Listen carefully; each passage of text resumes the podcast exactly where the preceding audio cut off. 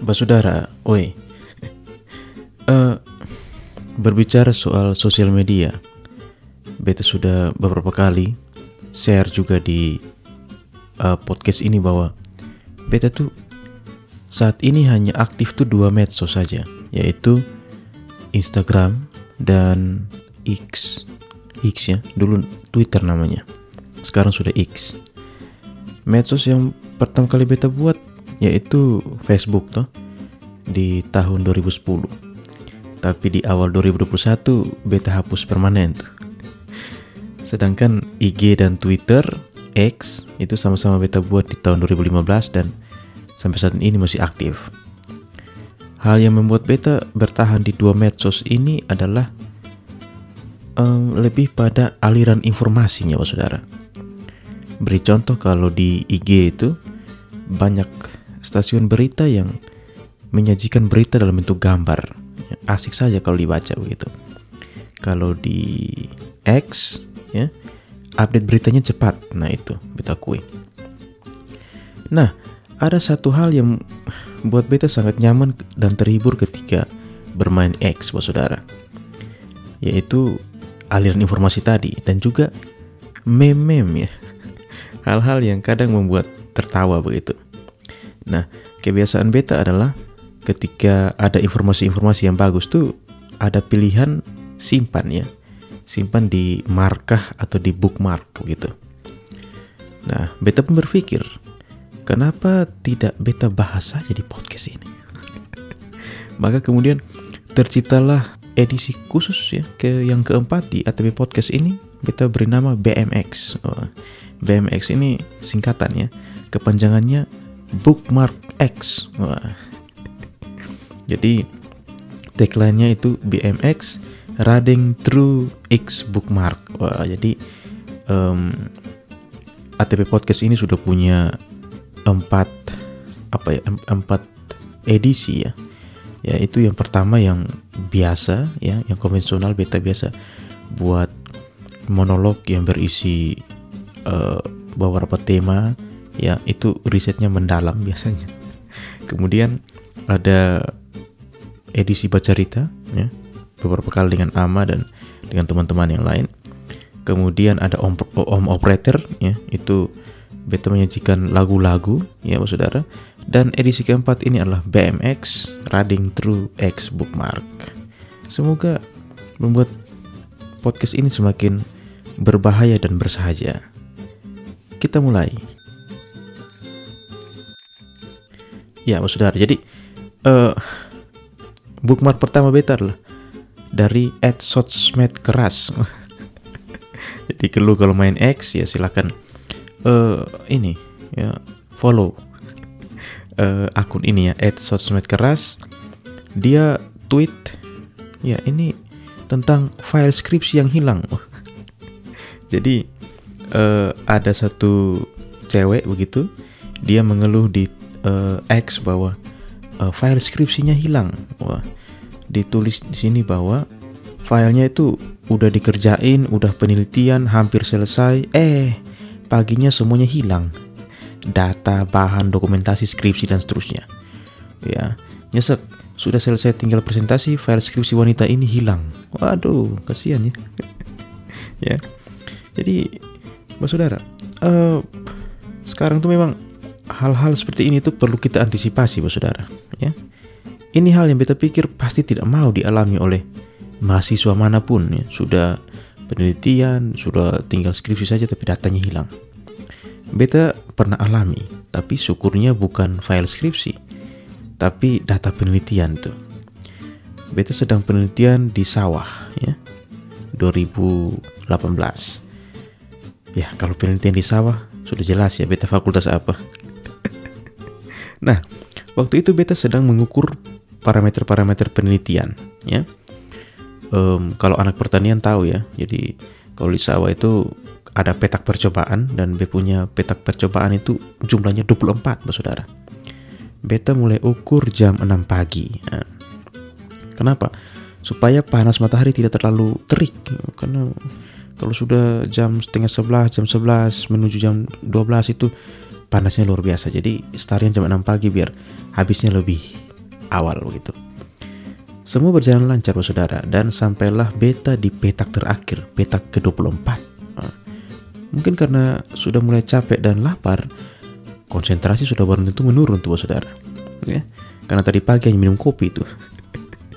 Akibatnya, catatan data penelitian beta tuh jatuh ke dalam lumpur. Panik tuh saudara. Panik saat itu karena beta harus ulang lagi tuh ukur dari petak pertama. Lu bayangkan. harus jalan lagi dan seterusnya. Beta kemudian berusaha menenangkan diri ya dengan pulang ke rumah untuk makan siang sambil aduh ini solusinya bagaimana sambil pikir lah begitu ya. Tapi siang itu belum terpikirkan solusinya saudara. Ya, solusinya hanya terbesit itu begini. Ya, ukur ulang. Ya tapi Siang itu beta berpikir untuk kumpul niat dulu untuk ukur ulang dari petak pertama lagi. Malam hari, beta sedang duduk di teras waktu itu di depan kamar. Tiba-tiba suddenly muncul pikiran. Nampaknya data datanya beta ini sudah otomatis tersimpan di cloud. Nah, beta langsung masuk kamar, buka laptop, login ke cloud dan syukurnya datanya ada. Wah. Jadi perasaan jadi lega, Saudara. Jadi beta nih ketika siang tadi di sawah itu saudara, ketika ngukur, beta langsung ketik di HP. Kebetulan HP-nya beta langsung connect ke cloud sehingga otomatis tersinkronisasi. Jadi yang jatuh ke lumpur tuh bukan catatan kertas saudara ya, tapi HP yang jatuh tuh. ya syukurnya waktu itu saudara ya. Untuk saudara yang saat ini sedang kuliah atau pekerjaannya melibatkan file-file penting, file-file kantor, file-file mungkin lu sebagai sekretaris desa misalkan ya. Atau lu sebagai sekretaris partai banyak file penting tuh. Beta sarankan untuk manfaatkan cloud saudara. Ya sekarang cloud tuh um, banyak yang free ya meskipun juga banyak yang berbayar. Supaya kita tidak mengalami kehilangan data ya. File korup karena virus dan kejadian-kejadian lain yang mungkin terjadi urusan tuh saudara. Kalau data sudah hilang tuh itu urusan pasti urusan urusan itu. Ya yang menarik juga beta akan baca beberapa komentar ya dari uh, Ed sosmed keras ini.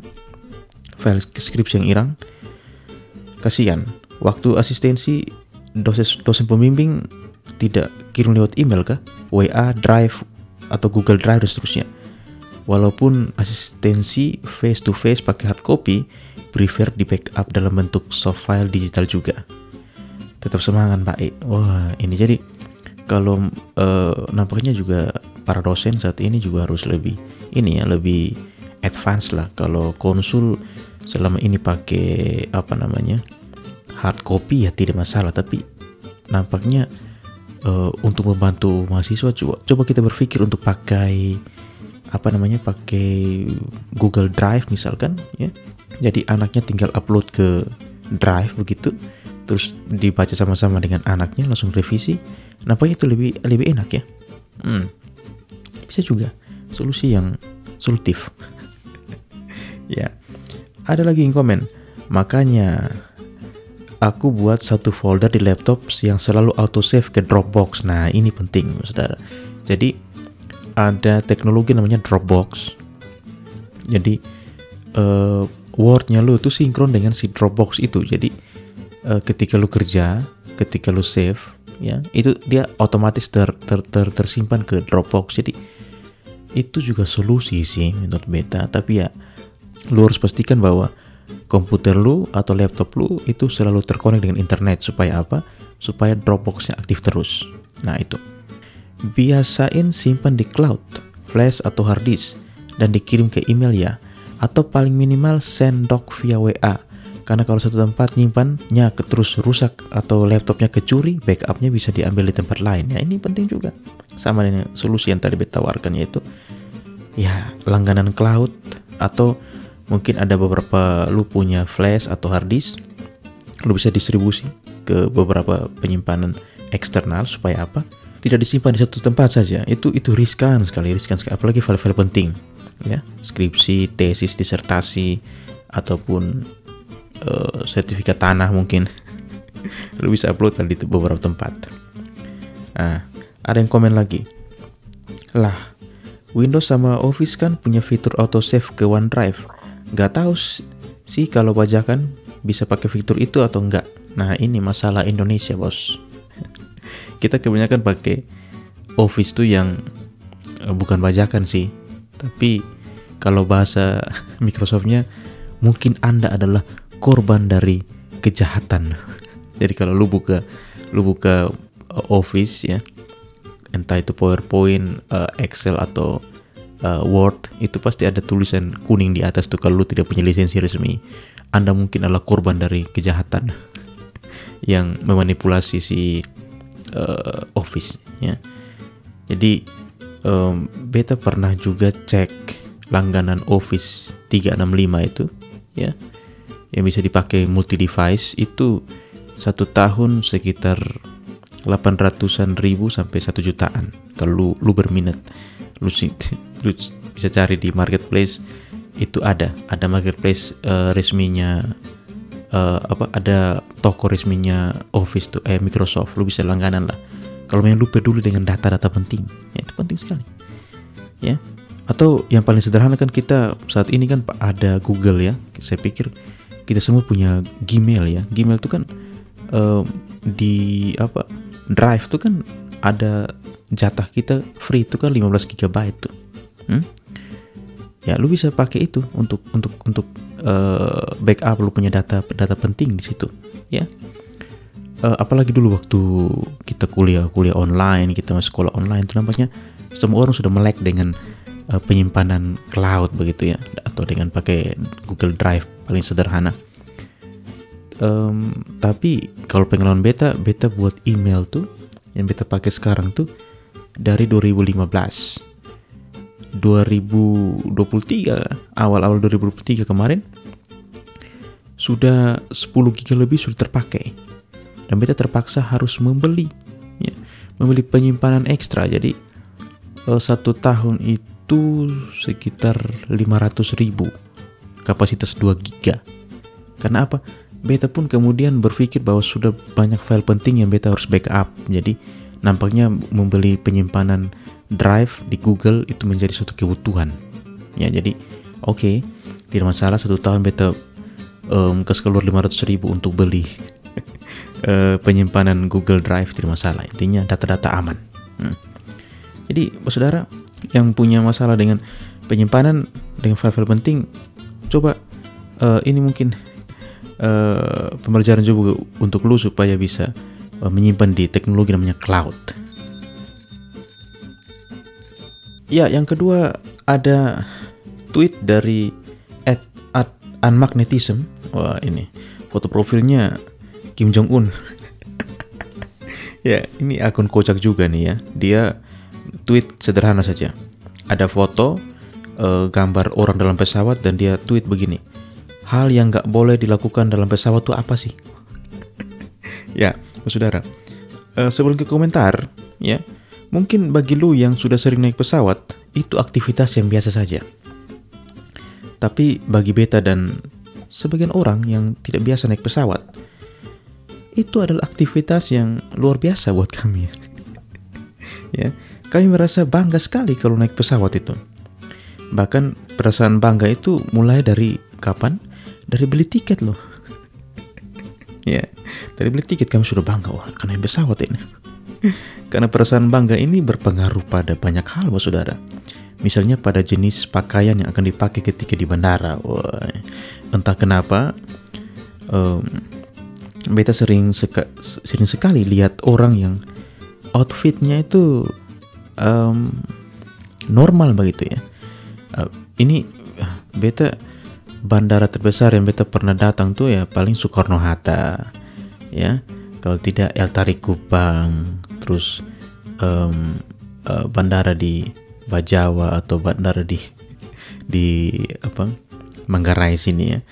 Um, mungkin tapi beta sering sekali lihat orang dengan gaya pakaian yang sama ya kalau lu dengar podcast ini kalau benar mungkin kita pernah atau lu pernah alami juga yang beta akan sebut ini.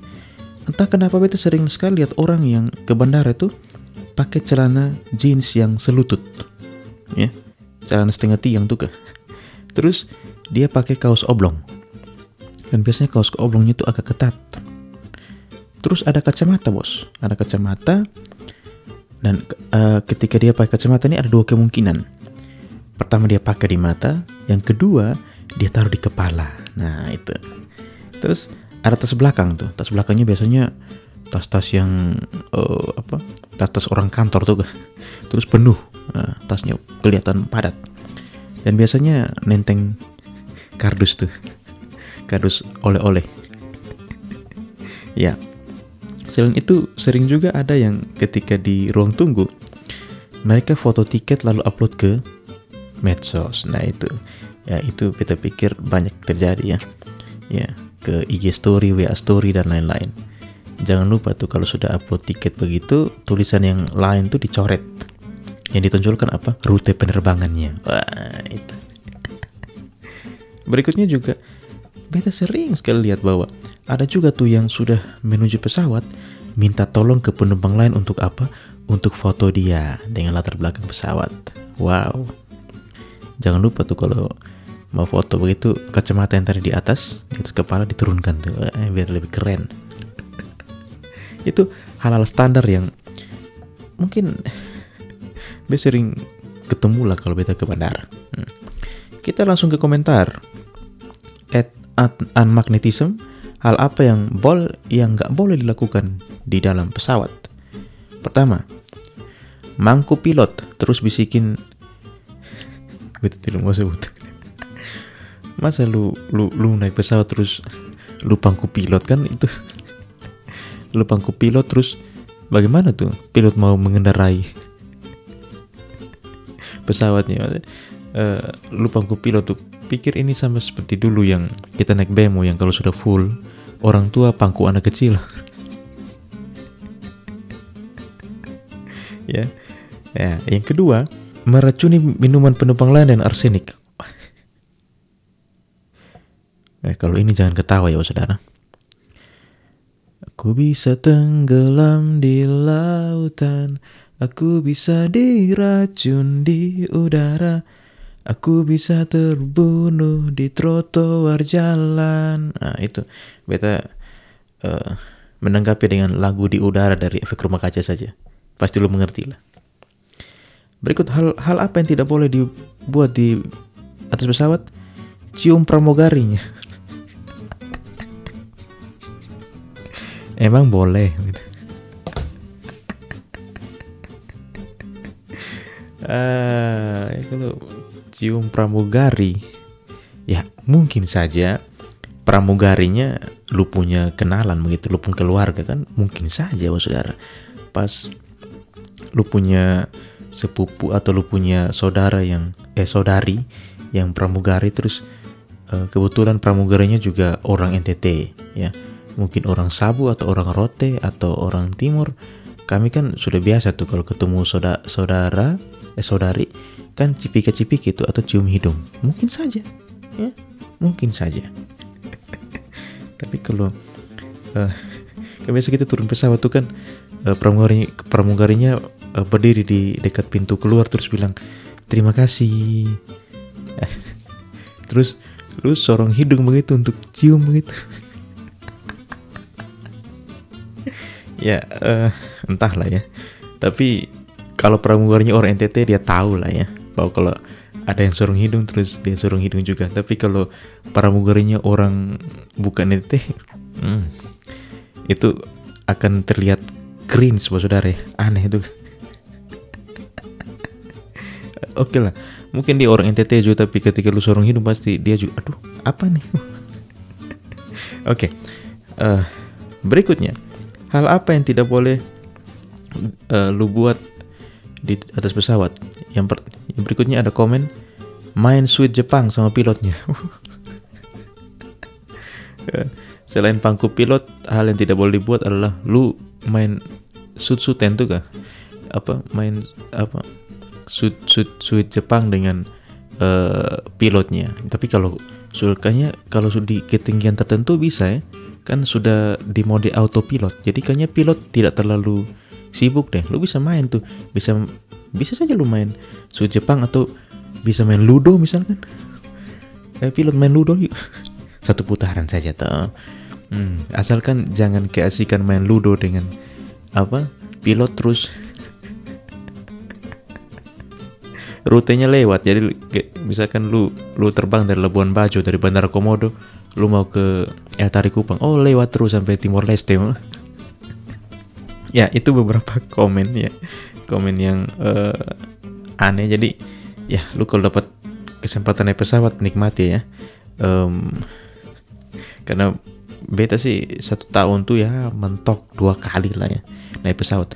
Ya per, pulang pulang pulang kampung terus kembali lagi. Asalkan beta pesan saudara lu kalau naik pesawat jangan buka sandal itu saja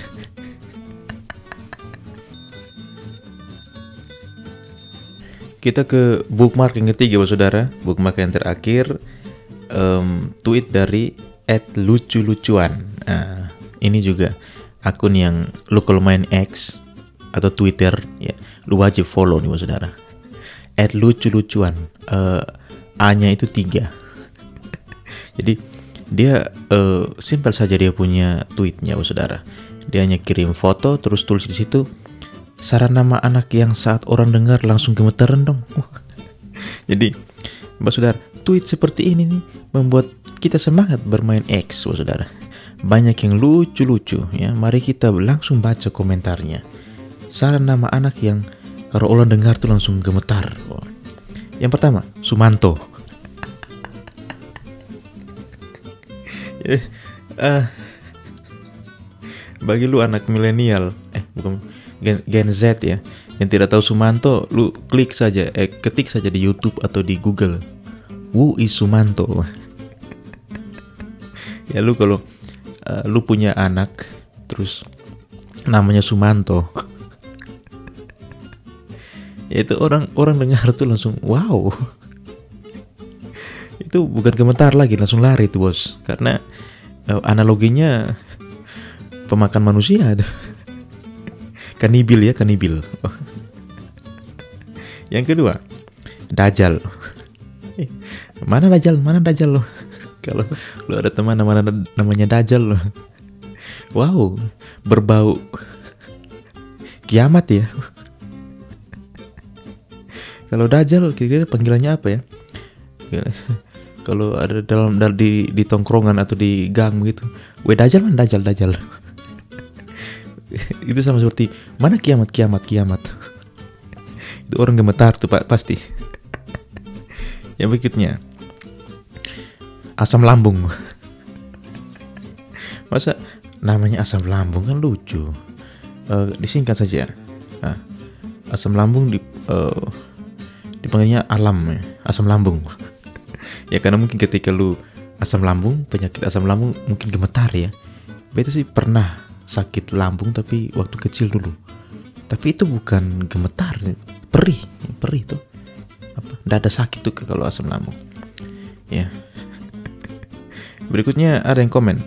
Uh, cara nama nama anak yang kalau orang dengar langsung gemetar. Anton vibrator. Vibrat Anton vibrator. Ya itu beta tidak perlu itu alat apa beta tidak perlu bahas itu alat apa ya cari sendiri lah. Uh, saran nama anak yang kalau dengar langsung gemetar. Netanyahu. Wow. Kalau dengar nama ini nampaknya tidak tidak perlu uh, apa ya tidak perlu ketawa. Um, ya sekarang beta tidak mau sebut beta di sisi yang mana saudara. Ya tapi apa pun alasannya mengambil nyawanya orang itu tidak tidak tidak tidak tidak benar. Jadi harusnya konflik di sana antara Israel dan Palestina tuh ya bereskan sudahlah. Tidak perlu terlalu panjang. Kasihan banyak orang korbannya. Kita lanjut saudara saran nama anak yang kalau orang dengar langsung gemetar. Depto Kolektoro jadi dari kata debt collector ya namanya depto kolektoro ini sama seperti kalau di uh, kami di sini tuh ada namanya uh, koperasi harian. Ada ada apa rekan kerja yang cerita bahwa anaknya uh, hafal tuh kalau uh, orang-orang koperasi harian sudah mulai datang tagi tagi uang koperasi itu ya. Namanya juga koperasi harian pasti mereka tagi harian tuh uh, jadi kalau orangnya tidak ada uh, yang yang mau ditagi tidak tidak ada tuh sembunyi nanti anak tanya anak kecil saja. Oh itu ada di situ tuh. Ya. Ya oke lanjut. Saran nama yang kalau orang dengar langsung komentar Andi Parang. Iya sih. Kalau namanya di belakang parang pisau apalagi kelewang samurai itu orang takut juga. Ya. Wow ini ada yang di komennya upload foto KTP orang namanya Tuhan loh. Tuhan. Wow. Ini ini asli ya.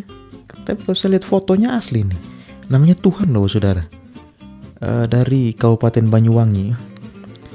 Apakah ketika beliau lahir ini mungkin pada saat hari raya jadi dinamakan Tuhan atau mungkin orang tuanya berharap supaya di kemudian hari dia menjadi apa dia bisa membawa bawa berita baik mungkin bagi umat manusia ya. Jadi dinamakan Tuhan. Wah tidak, tidak tahu lagi. Ya. Oke bapak saudara ada juga yang komen nama orang yang kalau dengar langsung gemetar yaitu angsuran uh, kalau angsuran panggilnya apa ya? Su su begitu kah? Uran. Hai kacau-kacau ya. Apa apa uh, komentar komentarnya ya. Jadi ya intinya nama tuh kan doa ya. Jadi harusnya nama tuh yang yang terbaik lah supaya jangan minimu jadi jangan apa supaya nanti kalau sekolah jangan jadi bahan bulian ya tapi sekarang tidak boleh bully-bully nanti di, mas bisa masuk penjara tuh ya. Oke saudara. Itu beberapa uh, bookmark di BMX edisi ini yang beta mau share ke saudara ya. Lu kalau uh, tertarik silahkan follow beta di X. Uh, beta punya akun X tuh at atp tweet ya. Atp tweet silahkan lu uh, follow saja um, supaya kita bisa berinteraksi di X sampai jumpa di X yang berikutnya tetap ceria we will riding through X bookmark. Cheers, saudara.